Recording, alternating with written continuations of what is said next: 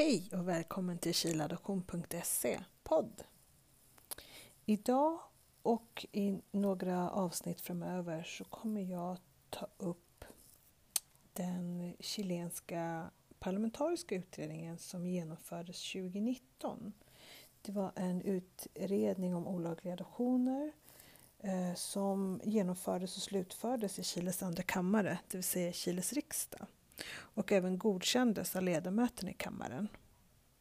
Och här så har man då utrett hur chilenska statliga tjänstemän, socialassistenter, sjukhuspersonal, anställda på folkbokföringen, passexpedition med flera, hur de arbetade med privata aktörer för att kunna få tag i barn för att de skulle kunna adopteras av föräldrar i Chile och utlandet. Och hur det här var något som skedde systematiskt. När en sån här utredning i Chiles riksdag görs och att man fastställer hur handel med barn kunde ske. Vilket ansvar har då våra svenska folkvalda politiker och staten att ta del av den här informationen som finns från Chile och se över vad som gick fel här i Sverige?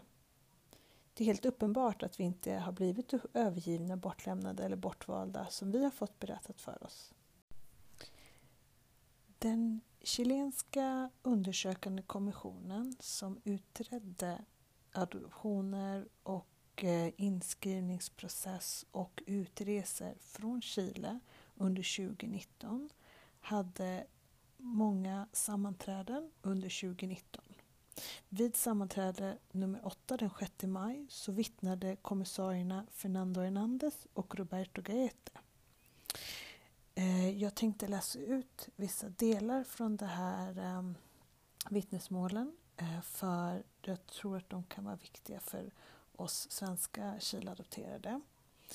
Eh, det är alltså de här två kommissarierna som de är en del av den brottsutredning som pågår sedan 2018. Men här kommer bakgrund, vad som hände redan 2014. Ehm, så här kommer jag att läsa rakt av från eh, den parlamentariska chilenska utredningen, sammanträde 8. Kommissarien Fernando Hernández från Chiles kriminalpolis säger att utredningen inleddes år 2014 när han arbetade inom brigaden för utredning av brott mot mänskliga rättigheter. Närmare bestämt arbetade han i den grupp som bistod domare Carossa då fick han ansvar för att utreda ett antal fall gällande anmälningar som berörde händelser som föreföll handla om egenmäktighet med barn vid offentliga sjukhus och några privata kliniker. kliniker. Han framhåller att de anmälningar som kvinnorna lämnade in var mot läkare, barnmorskor, socialsekreterare, kyrkliga personer och i allmänhet mot personer i civilsamhället. Det var svårt att avgöra hur man skulle ta itu med utredningen man visste inte vilka frågor man skulle ställa eftersom det inte fanns protokoll. Tillsammans med Roberto, som då var gruppchef, lämnade han fallen avseende mänskliga rättigheter för att helt och hållet ägna sig åt detta och för att på så sätt få en allmän insikt i denna fråga. Och sen så berättas det hur de började undersöka sjukhus och folkbokföringsregister eh, och så vidare. Sen kommer jag hoppa till den biten som jag tyckte kändes väldigt intressant för oss eh, i Sverige. Nu är jag alltså på sidan 49 i den parlamentariska utredningen. Det kom fler fall då kvinnor anmälde att de hade lämnat sina barn till barnhem men att dessa blev skickade utomlands och adopterades. I de här fallen upprättade man en, anmäl en anmälan och startade en förundersökning och de facto var barnen registrerade vid folkbokförings och identifikationsmyndigheten men med förbehåll för att fotot på dem i systemet var ett gammalt foto. Med anledning av detta granskar man det nationella registret vid nationella ledningen för migration och internationella poliskåren och man kunde visa att dessa barn hade rest ut ur landet. Hur? Det vet man inte eftersom det inte fanns dokument eller något annat som kan styrka deras utresa särskilt i de fall då modern uppgav att hon aldrig givit sitt samtycke. Mellan 2014 och 2015 drog de den slutsatsen att de förts till flygplatsen. De visste att barnen hade rest till vissa länder men hade inte möjlighet att få fram mer information om saken. Så det här var alltså 2014-2015 och sen fortsätter jag läsa på sidan 50 i den parlamentariska utredningen. Den här processen pågick till år 2015. Därefter förflyttade han, alltså Fernando, till en annan tjänst fram till år 2018 då han på slut av högsta, beslut av högsta ledningen på nytt skulle börja arbeta med domare Carossa och det arbetet hade med oegentliga adoptioner att göra. Under 2017 genomfördes ett beslag hos en person som hade ett arkiv över barn som hade skickats ut ur landet. Han säger att han under den första etappen fick veta att barnen hade rest ut ur landet och nu fick han veta hur det gick till. På grund av ett stort antal bakgrundsuppgifter hade insamlat hade en socialsekreterare, Maria Cecilia Eraso, arbetat med domare Carossa. Hon var advokat och ad hoc sakkunnig vid domstolen. Hon hade redan gjort sin redovisning och systematiserat all information. Underlagen var dessutom på papper. Kriminalpolisen inledde således ett arbete med analys och inre spaning för att se vad man skulle kunna komma fram till. Man började definitivt få fram ett gemensamt mönster. Namn, personer, åtgärder, domstolar som hade godkänt samt inblandade organisationer. Därigenom kunde man slutligt förstå de allmänna dragen beträffande händelserna, något som man inte lyckades med under den första perioden 2014-2015. Ställd inför detta beslutade institutionens ledning att bilda en arbetsgrupp som idag leds av kommissarie Gaete. Den står till domare Carossas disposition och ska sedan 2018 arbeta med analys och inre spaning samt överlåta till ett fältteam att intervjua personer, lyssna på den oro som finns, höra hur de opererade och om nödvändigt försöka göra beslag för att på så sätt mata in mer uppgifter i den databas som, idag, eh, eh, som är den som idag har kunnat ge besked. Um, och sen så kan jag också passa på att nämna den här ehm, um, 2017 som jag precis läste om när man gjorde ett beslag hos en person som hade ett arkiv. Det var ju ehm, um, Telma Uribe som bor eller som har adressen Monsignor Müller 38 som vi svenska Chileadopterade, många av oss har ju registrerats hos henne så våra dokument var det som polisen hittade. Nu kommer jag hoppa till sidan 51 i den parlamentariska utredningen och eh, då kommer kommissarie Roberto Gaete eh, vittna i den parlamentariska utredningen. Kommissarie Roberto Gaete påpekar att med anledning av det avsevärda antal anmälningar som han hade fått in begärde domare Carossa i början på året att kriminalpolisen skulle bilda en arbetsgrupp som skulle utföra det operativa fältarbetet. År 2017 beslagtogs de facto mycket information hos socialsekreterare. Idag håller man på att systematisera den och belyser att det finns ett stort antal personer eller barn som överlämnades för adoption under 60, 70, 80 och 90-talen. Som kommissarie Hernandez påpekade inleddes ett mål med målnummer, 20, eh, med målnummer 1044 2018. Det är det som vi känner till som den chilenska brottsutredningen idag i Sverige. Eh, den här då omfattar ett stort antal anmälningar som gjorts inom landet av mödrar som söker efter sina barn och av barn som söker efter sin ursprungsfamilj eller efter sina biologiska mödrar. Talan har väckts kontinuerligt och på ett eller annat sätt har de föreningar som är här idag, alltså i den parlamentariska utredningen på det sammanträde, eh, dessa har tydligt uttryckt sin avsikt att få fram någon sorts resultat från den utredning som domare Carossa bedriver. Man arbetar i princip parallellt med två problem. Det ena handlar om att fastställa vilka som är ansvariga för händelserna. Många gånger var statliga tjänstemän inblandade i enskilda händelser. Det andra är mycket relevant för samhället. Det handlar nämligen om att kunna fastställa var det barn som skickades iväg på ett irregulärt vis befinner sig.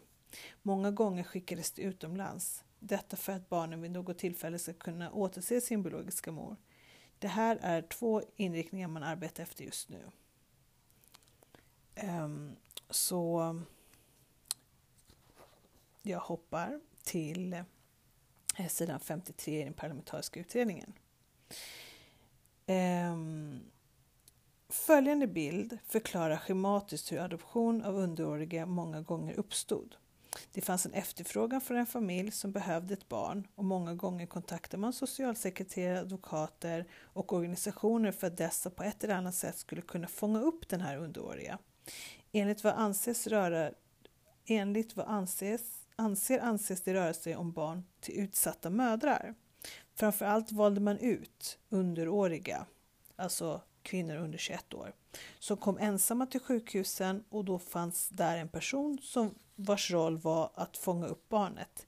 Många gånger sa man till mödrarna att när de väl var förlösta att deras barn, så som Fernando påpekade vid något tillfälle, hade avlidit. Många gav dem inte någon sorts dokumentation, man visade dem inte kroppen och man ordnade inte någon begravning. Istället sa man att den underåriga eller nyfödda skulle användas för forskning. Då vidtog mödrarna på den tiden inga andra åtgärder. Istället blev de övertygade om att deras barn hade avlidit. Inom ramen för den situationen kom det en vårdare som, och tog barnet och lämnade den till en enskild person eller organisation som ibland fungerade som faktisk vårdnadshavare. Till dess utresa ur landet hade ordnats blev den underåriga kvar där som fosterbarn eller som föremål för en skyddsåtgärd. Med anledning av detta är det uppenbart att socialsekreterare upprättade rapporter som i och för sig var äkta men vars innehåll var falskt. Till exempel att barnet var övergivet eller att modern var hemfallen som narkotika eller alkoholmissbruk. Med dessa bakgrundsuppgifter beslutade domstolarna om skyddsåtgärder och överlämnade den underåriga i fråga till adoption, mellan situationstecken. Då. Senare genomfördes det många gånger utomlands. Dessutom finns en annan modell som Fernando också kommenterat som innebär att många av de underåriga omhändertogs och vid registreringen använde man inte förlossningsintyget. Istället använder man en gammal modell som existerar än idag, nämligen att skriva in en underårig med två vittnen som styrker att en person faktiskt har fötts. Därigenom kan man registrera barn som barn till personer som uppenbarligen inte är deras biologiska föräldrar. I en sån situation är det mycket svårare att kunna fastställa vad som hände med dessa underåriga eftersom det inte finns någon registrering av vilka som skulle kunna vara dessa nyfödda barn biologiska föräldrar. Tyvärr finns det många sådana fall. Sedan reser de här underåriga utomlands och många av dem kände inte till den här situationen och således vidtog de inga åtgärder för att försöka ta reda på vilka deras biologiska föräldrar var. Arbetsgruppen han leder, alltså Roberto Gaete, består av fem kriminalinspektörer som samverkar med föreningarna och domstolarna samt med samarbetspartners som folkbokföring och programmet för att söka rötter vid Sename, alltså den chilenska barnavårdsmyndigheten. Syftet är att kunna ge någon sorts svar till mödrar och till de idag vuxna underåriga som söker efter sina ursprungsfamiljer. Så det här som jag precis beskrev, det var ju någonting som var väldigt typiskt här för oss som kom till Sverige. Att man, socialassistenterna gjorde våra rapporter, eh, våra socialrapporter, Informe Social, eh, och man kanske tog eh, alltså eh, riktig information men man eh, ändrade, man blandade med lögner då.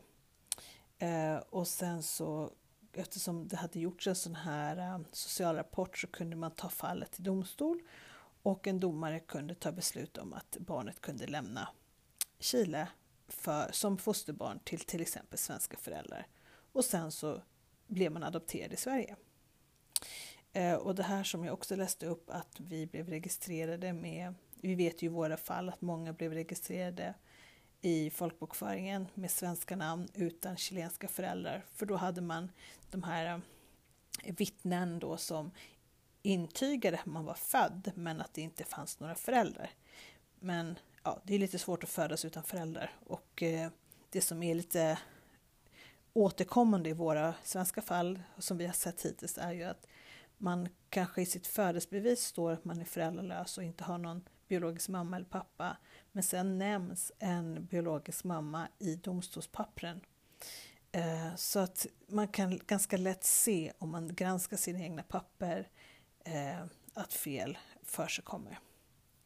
Så det var dagens ehm, del, dagens inläsning och kommentarer till eh, Chiles riksdag Eh, deras eh, utskottsarbete, den parlamentariska utredningen som genomfördes och slutfördes under 2019.